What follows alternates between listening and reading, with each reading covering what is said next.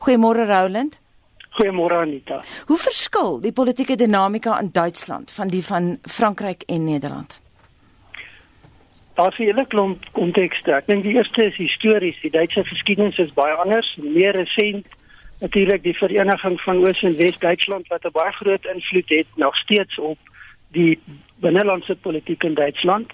Dan ook die feit dat Duitsland die grootste ekonomie in Europa het, 'n baie belangrike rol wat die Duitsers daar speel en dat hulle ook die mees suksesvolle ekonomie op die stadium het in die sin dat daar minder werkloosheid, meer ekonomiese groei en meer welvaart in Duitsland is as in die res van Europa.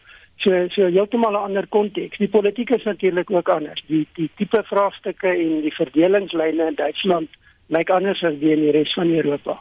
As mens die Duitse media lees, dan lyk dit asof die kleiner politieke partye 'n belangrike rol in Sondag se verkiesing gaan speel. Hoekom? Die verwagting is dat die twee groot partye ehm um, sal die meeste stemme kry, maar nie een van hulle sal in dis tradisioneel in Duitsland sal genoeg stemme op hulle self trek om 'n meerderheidsparty te vorm. So dit is tradisioneel in Duitsland weer 'n koalisieregering, maar die verwagting is dat die koalisie die keer anders saamgestel sal word. Sal waarskynlik van die kleiner partye wees saam met Angela Merkel se Christen-Demokrate en op die stadium is dit onduidelik watter van die partye dit partye dit sal wees.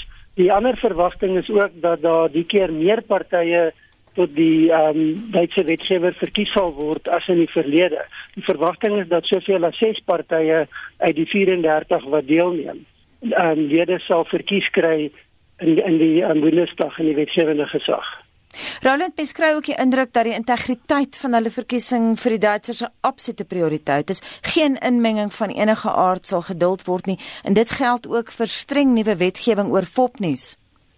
Ja, die Duitsers is baie ehm um, bekommerd en het oor 'n redelike lang tyd nou baie sterk aandag begin gee aan die hele konteks van kubersekuriteit, sekuriteit in in terme van kommunikasietegnologie en toegang tot stelsels wat van buite kan kom.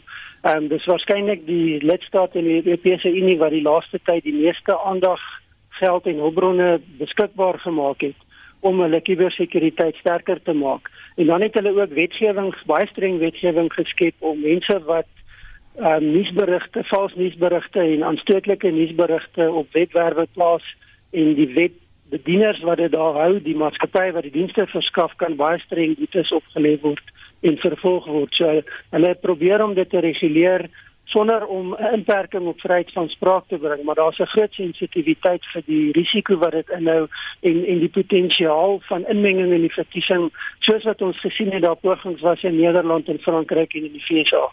Angela Merkel se grootste teenstander, Martin Schulz van die Sosiale Demokrate, het Turkye se lidmaatskap van die EU 'n verkiesingsvraagstuk gemaak. Nou ek weet daar's baie sogenaamde gastarbeiter van Turkye in Duitsland, maar hoekom is dit spesifieke vraagstuk? Ek praat nou van die lidmaatskap as sulks. Ek dink as daar's 'n paar kontekste. Die eerste een is dat die Turkse gemeenskap buite Turkye is die grootste in Duitsland. So daar's 'n bepaalde historiese konteks waarin dit afspeel. Dit hou ook verband met die groter kwessie van migrasie en Duitsland weet ons het die meeste mense ingeneem in die afgelope jaar en dit het probleme geskep alhoewel dit nie meer 'n groot verkiesingskwessie is nie. Maar die lidmaatskap aan die EU is 'n brandende kwessie in Europa en Duitsland is natuurlik waarskynlik op die stadium die leidinggewende lid van die Europese Unie. So die hele kwessie is baie belangrik en daar's baie spanning en ontevredenheid en dit lyk asof die Europese Unie op die stadium bietjie weggestap het van Turke en die Turkse lidmaatskap in die, in die Europese Unie. So dit het maar ook verband met ander buitelandse beleidsake wat wat alhoewel nie die belangrikste nie, maar tog onderliggend is aan hierdie verkiesingsproses. In die toekomstige onderhandelinge met Frankryk rondom Brexit en die toekoms van die Europese Unie. Dit is alles faktore wat uh, invloed het op die verkiesing en hoe dit gaan uitspeel nie noodwendig in die finale uitslag nie. Merkel behoort die verkiesing gemaklik te wen as meerderheids ehm um, of grootste aandeelhouer in die toekomstige regering, maar maar die kwessie van wie die koalisiebondgenootskap is, kan bepaal word deur onder andere wat gebeur in die verkiesing en dan met die oog op die onderhandelinge binne die Europese Unie later.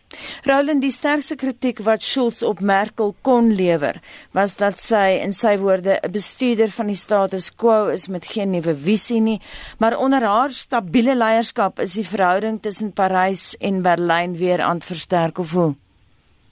Ja, ek ek dink daar's 'n dis waarskynlik 'n pleintjie vir Merkel indien dit die beskuldiging is want daar's baie min leiers op die stadium in die wêreld wat tevrede of gemaklik kan voel met die status quo.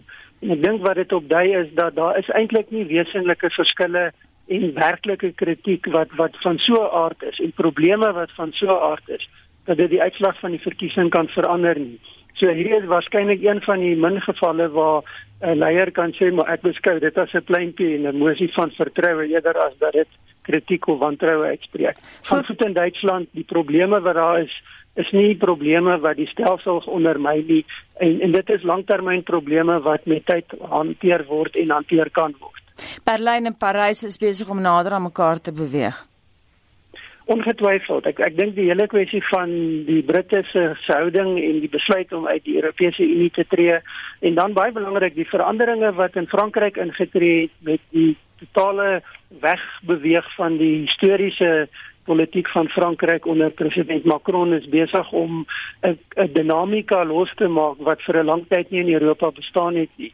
En in Duitsland en Frankryk, indien hulle dit reg bestuur, kan dit baie kreatief gebruik om die rol van die Europese Unie en die belang van die Europese Unie opnuut te versterk eerder as om dit te sien agteruitgaan soos wat die verwagting was met die Britse uittrede.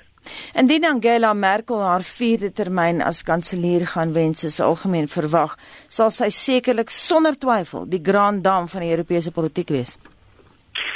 Ja, definitief. Ehm um, sy is waarskynlik nie net goed gevestig as leier van Duitsland nie, maar sy is ongetwyfeld baie goed gevestig as nie net leier van die Europese Unie nie, maar sy is waarskynlik op die stadium een van die sterkste leiers in die wêreldpolitiek. En en hierdie verkiesing behoort nie daai status enigsins te verander nie.